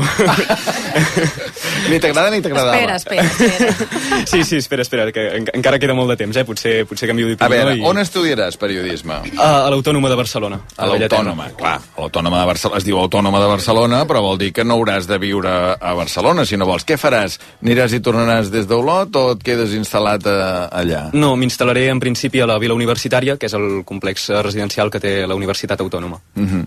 Et fa respecte marxar de casa, viure de forma autònoma, deixar la família... Una mica, la veritat, una mica, perquè són molts anys, eh, jo sempre he viscut a, a Olot i, i és aquells nervis de dir, ostres, és el primer cop, mm, aprendré coses noves, però segurament és davant d'aquest repte, davant d'aquesta incertesa, que segurament un cop sigui allà serà com pensar, val, ja hi sóc, ara ja no sé, és, és tota una adaptació constant i he de començar des, de, des del primer dia. Sí que hi ha nervis, sí que em fa respecte, no, no, no t'ho negaré, però també estic content perquè, bé, penso que el que he fet fins ara estic molt content del, del que he fet i, i bé, penso que serà com una mica seguir endavant, no? Qui t'ajudarà, Pere? Diguem, perquè, clar, a casa teva tu saps tot, on és, mm. on és cada cosa, no? Ja et deus moure eh, diguem, de memòria, pràcticament, no? Que te'n vas a viure... O sigui, tu saps, diguem, amb qui compartiràs pis o ja has vist la teva habitació... No, encara no ho sé perquè eh, m'assignaran una plaça en principi el dia 1 d'agost. Per tant, encara estic a, a l'espera del, que, del que pugui mm. passar. I tampoc conec ningú més de la meva edat que vulgui anar a l'Autònoma i estudiar exactament... Bé, no, que, que vulgui anar a la residència de, de l'Autònoma. Sí que conec gent que vol estudiar periodisme, però que vulgui anar a la residència no. Per tant, tampoc sé quins companys m'assignaran. Però bé, um, estic, a, estic una mica a l'espera, no? I, I és això. I, i qui m'ajudarà? Doncs bé, la web té un servei de persones per- d'ajuda a les persones amb discapacitat que es diu Pioner i també juntament amb, amb l'ajuda de la ONCE i sobretot de la meva família doncs tindré, tindré aquest suport, no? I sé que realment els estic molt agraït tant al Pioner com, com a la ONCE com a la meva família perquè sé que realment no, no em faltaran mai i, i mai m'ha faltat de res amb ells. M'has dit cap mentida avui, de moment? De moment no. L'altra vegada, que, l'altra vegada que vas venir em vas dir alguna mentida? Sí. Quina? Uh, algú, diria que va ser un, un oient que va comentar a través de xarxes socials que jo també sóc molt partidari de, de Guillem Albà, que no, no caldrien les xarxes socials, almenys en aquell moment em va fer una mica la guitza, perquè em va dir que jo m'assemblava uh, en Xavi Bosch. I jo en aquell moment no sabia qui era en Xavi Bosch. però per Però vas fer... dissimular, vaig, m'entens? vaig haver de dissimular-ho, vaig haver de dissimular-ho. Vols que recordem com ho vas sí, dissimular? Sí, i tant, i tant. Atenció, i tant. eh? La persona que no sabia qui era Xavi Bosch. L'Oriol diu que sembles el mini Xavier Bosch, tal com parles. No sé si saps qui és Xavier Bosch. Sí, sí, sí, sí, sé qui és, però... Ara aquest, aquest comentari m'ha emocionat una mica. Eh? Bravo, bravo, bravo, bravo. Ja anaves per periodista, eh? Una fake news. Diguem, ja. Escolta, hi, hi ha molts polítics que els fan una pregunta i, i desvien l'atenció i, i ho aconsegueixen fer, per sí, tant... Senyor. Sí, senyor. Aquest comentari t'ha emocionat una mica, no sabies qui era. Però imagina. Ara ja saps qui és, no, Xavi Sí, Bosch? sí, sí, ara sí que sé qui és i... Escolta'm, Pere, um, què t'agradaria fer en el, en el periodisme? A mi m'agrada molt la ràdio. M'ha agradat sempre la ràdio i em segueix agradant la ràdio. Penso que és un mitjà de comunicació increïble, perquè és molt variat, perquè hi ha de tot, perquè és molt, molt versàtil, et pots trobar moltíssimes coses i jo crec que és la millor manera de- d'estar informat eh, actualment, que les xarxes socials doncs, eh, representen un, un dels màxims mitjans de comunicació. Jo crec que la ràdio eh, segueix viva, potser amb no, amb no tanta intensitat, però sí que és veritat que la seva flama doncs, encara, encara segueix, no? I a mi m'agrada molt la ràdio, també m'agrada escriure, penso que, no sé, mm, també m'agradaria tirar per aquí, per algun Però lloc de- de periodisme esportiu? Sí, de moment sí. Dic de moment perquè també m'interessa, bé, no sé, l'àmbit general, cultura, política, també em crida l'atenció, però els esports és el que més m'agrada. Fixa't aquell dia com ens explicaves aquesta barreja de ràdio i esport vista a través de la mirada d'en Pere Ribas, d'una persona invident. Jo sóc invident, com puc veure el futbol, però he trobat una cosa que ha estat la meva salvació, la ràdio. La ràdio eh, m'explicava el rectangle de joc, el periodista m'explicava qui tenia la pilota, i també quan de vegades fan altres eh, patrocinis de- d'alguna cosa, algun anunci al mig del partit, sabia que feien això perquè el partit estava tranquil i, i no hi havia gaires, gaires arribades per part dels dos equips. Per tant, la ràdio m'ha ensenyat moltíssimes coses. La ràdio que ja deies, eh, quan tenies 11 anys deies això, eh? Ho signaries, tot això que deies en aquell Totalment, moment, no? totalment, sí, sí. A mi la ràdio m'ha ensenyat moltíssim i, i és que des que era ben petit jo recordo que, que la meva mare em despertava amb el Bon dia Catalunya d'en Jordi Basté i és que clar, de- des de- des d'aleshores de, i, i jo en aquells moments doncs només m'escoltava els programes d'esports, ara també n'escolto d'esports però he anat, he anat canviant, no? escolto coses més, més variades però la ràdio m'ha ensenyat moltíssim, moltíssim. Et va anar bé la selectivitat? Sí, molt bé. Què vas molt bé, treure? veritat. Un 11,62. Uf, sobre 10. No, sobre 14. 14, no? Sí, eh? sí, sí. sí, sí. Bé, uh, molta sort. Moltes molta gràcies, Sort, molta moltes sort, gràcies. Pere, molta sort. Deixa'm, abans ho sentíem, eh, però deixa'm recordar un moment per presentar la nostra última convidada. Bona tarda, a les 7 en punt. Comencem aquest Islàndia especial, una Islàndia des de la plaça Islàndia. A Barcelona, Maria Xinxó, bona tarda. Bona tarda. Hi ha una plaça Islàndia. No ho sabíem nosaltres. No, no, jo, cre- jo crec que molta gent que ens està escoltant ara diu una plaça Islàndia a Barcelona, doncs sí. sí. El barri de Naves. No. Jo crec que et vam conèixer aquell dia, que devia ser el juny del 17. Adriana Sonet, bona tarda. Bona tarda. Que t'has emocionat ara? Sí. sí?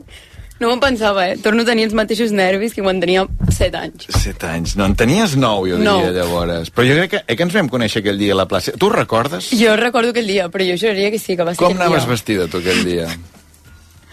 Portava sandàlies daurades, pantalons blaus i una camiseta que ja vaig treure totes les meves skills de, de modista i vaig fer una camiseta amb els noms de... És que és molt fort, això. Amb tots els, els noms dels col·laboradors del programa. És que això, o sigui, no portava meva ni, ni una temporada, no, No, perquè era el no. juny del 17, i se'ns presenta això una noia de 9 anys amb una samarreta blanca, amb els noms... Joaquim Luna. Joaquim Luna. Que, Maria Xinxó. Sí, sí. Dones 10. No, no, era, era increïble, la veies tan menudeta i deies, però, però, que, però ja ens escoltes? Ja, ja... Ja ho escoltaves. Ja ho escoltava. Aquella temporada jo crec que és la temporada que més he escoltat. No, mal igual, no em vaig saltar cap programa. Ara ja no ens escoltes, no? Sí, sí, sí, però no de la mateixa manera. Que és molt normal, eh? Ja, ja, ja ens tornaràs a escoltar algun dia. Però, però ha passat això, no? Diguem que en aquell moment, per què vas començar a escoltar tu Islàndia? Vaig començar a escoltar Islàndia perquè em coincidia els horaris i amb tantes activitats extraescolars i tot sempre em coincidia el cotxe. I a casa meva sempre s'ha escoltat molt la ràdio, sobretot el meu pare. I recordo Islàndia perquè en el seu moment va ser un programa que, que ho va canviar bastant tot per mi, perquè estaven tan acostumades a programes que anaven a una velocitat increïble, que no donaven temps a respirar, i al final Islàndia era l'únic temps on la ràdio semblava que agafava una mica de calma. I recordo molt aquesta sensació. Adriana, tu volies ser periodista, diria, no? En aquell... sí. Eh que sí? Ah, jo crec que li vaig dir a Maria que tant de bo torna a tenir 8 anys i tenir les coses tan clares. Ara no? No ho sé, mira, és que ja m'agobien més de Ara estàs pensar-ho. fet un embolic. Quants anys tens ara? 16. 16. I per què? No, que no tens les coses clares? no, és ara? que jo, és que és pensar-ho i començo, començo a moure'm, no ho sé, no ho sé. A veure, aquest estiu, què faràs? Aquest estiu, ara de moment treballar, Sí? m'està tocant aixecar el país, que no m'està agradant, però bueno, On treballes? amb la meva mare, a l'empresa de la mama, sí. I, De què és? mm, Bueno, ara mateix em tenen fent comptabilitat i muntant coses i no parlant amb gent, que és el que més m'agrada, però bueno. I, mm, I sí, me'n vaig a França d'aquí poc, així que moure'm. Te'n vas a França a fer mica. Estudiar francès. Estudiar francès. No escriure un llibre, Ah. es poden fer les dues coses, eh? Vull dir no ho que... sé, no si em donarà temps, però... Però sí. A més, és que em fa molta il·lusió estar aquí, perquè és això, no va ser només aquell dia, és que recordo molts moments vinculats a la meva vida amb l'Islàndia. Però nosaltres també, és que, diguem, per nosaltres, tant l'Ausiàs com la Fiona, com el Pere, com tu, han sigut quatre persones que han sigut importants, perquè moltes vegades ens hi hem retrobat. Diguem, per exemple, en el teu cas, Adriana, tu vas venir una altra vegada, te'n recordes? Ho recordo. Un vuitema, un vuitema perfectament. que us vam donar, a veure si, ho- si ho recordaré bé, arran del moviment Me Too, eh, que havíeu de llegir un llibre, no? Un llibre de, de contes on, on els protagonistes eren dones que havien fet alguna cosa especial a la seva vida, i tu vas triar aquesta, mira. Jo us explicaré la Nelly Bly. La Nelly Bly és una dona que va fer la volta al món en 72 dies. Una dona que va fer la volta al món en 72 dies. Sí, per les mateixes dates que el llibre de Julio Verne. Uh -huh. Eh, la Len Nelly va començar a treballar en el periodisme perquè un cop en el diari local del seu poble hi havia un article que es deia ¿Para qué son buenas las mujeres? que menuspre Menyspreava, menyspreava no? les dones. Llavors va enviar una carta al redactor queixant-se. El redactor va quedar tan impactat per la seva forma d'escriure que la va contractar. Què? Per què et tapes la cara? que per fort. No, és escoltar-te? que, no, no, és que estic flipant. Estic flip... No recordava aquesta veu, eh? Ah, però, bueno, la veu, perdoni, les coses que deies que estava molt bé, en fi, que... A veure, qui ho ha passat pitjor, ara que ja més o menys heu acabat tots? Qui creieu que ho ha passat pitjor aquesta estona? Ausiàs, tu no. Eh, Tu ho has passat bé, no? Sí, jo bastant bé, la veritat. És que a mi m'agrada molt parlar. Jo sóc molt parlador i també m'agrada molt escoltar la gent, o sigui, m'he quedat flipat amb les vostres històries i me n'alegro molt d'haver... d'haver... com es diu? Sí, de conèixer... D'haver-vos conegut. Ah, que no em sortia, no em sortia d'haver-vos conegut a tots i... Uau! Uau! jo no, però jo, Per tant, l'Ausiàs no ho ha passat pitjor. jo ho he passat molt bé. Uh, Adriana? Jo venia molt tranquil·la, però és que no ho sé, m'han- és que han sigut molts anys. Han sigut molts anys, han sigut molts anys. Fiona, què? Jo també anava molt tranquil·la, jo estava... Ostres, de, fa una hora per... Deia, ostres, que haig d'anar a la ràdio. No, és que no, no me'n recordava. I vaig de cop i volta. I ara, mira... Escolta'm, uh, que tingueu molta sort, que us vagi superbé. Uh, tots ens heu ajudat moltíssim, moltíssim durant aquests anys. Hem pensat molt en vosaltres i pensarem sempre, sempre, tant per l'Adriana com per l'Ausiàs, com per la Fiona, com pel Pere. Els nostres, els nostres pensaments us portarem al cor i us donem les gràcies a vosaltres i a moltes altres persones uh, que hem pogut conversar i conèixer durant aquest temps, però vosaltres quatre especialment ens feia gràcia que, que fóssiu avui aquí. Gràcies a tots, nois. Molta Moltes sort. gràcies. Moltes Gràcies. gràcies, a tu per haver-nos convidat. Ara! Moltes gràcies Ala, per tot. adeu, digues adeu. Ara, adeu a tothom. Bona nit a tothom. Bravo. Deixa't seduir per la gamma de vehicles híbrids endollables i purament elèctrics de la xarxa Volvo de Catalunya i els seus dissenys exclusius. Amb màxima seguretat per a les persones i per al nostre planeta. Perquè Volvo ja és futur. Eficiència i màxima connectivitat. Autonomia 100% elèctric de fins a 578 quilòmetres. Ara amb entrega immediata i carregador i instal·lació Wallbox gratuït. Xarxa Volvo de Catalunya. A Supercor, Hipercor i Supermercat al Cort Inglés sempre tens ofertes increïbles. I a més un 50% en la segona unitat amb moltíssims productes. Com en el litre d'oli d'oliva verge extra Carbonell. Si en compres dos, el segon litre et surt a només 4 amb 48 euros. A meitat de preu? A Supercor, Hipercor i Supermercat al Cort Inglés. Preus vàlids a la península i les Balears. RAC més 1, podcast. RAC més 1 presenta Crits, el podcast d'investigació criminal que ha fet història, destapant qui va matar a Kennedy. El segon impacte que va directament al cap ja el va disparar a placer, la Jacqueline, la dona, aprofitant que estava ajudant al seu marit que es queixava del primer impacto, i pues, bé, pim, pam. O descobrint com va morir Antoni Gaudí. És mort! Crits, un podcast que posa foscor a la llum. Cada setmana un cas a la app de rac i a rac I els divendres, la resolució al versió RAC1. RAC1. Tots som més Amb el suport d'òptica i audiologia universitària per joves de 1 a 100 anys.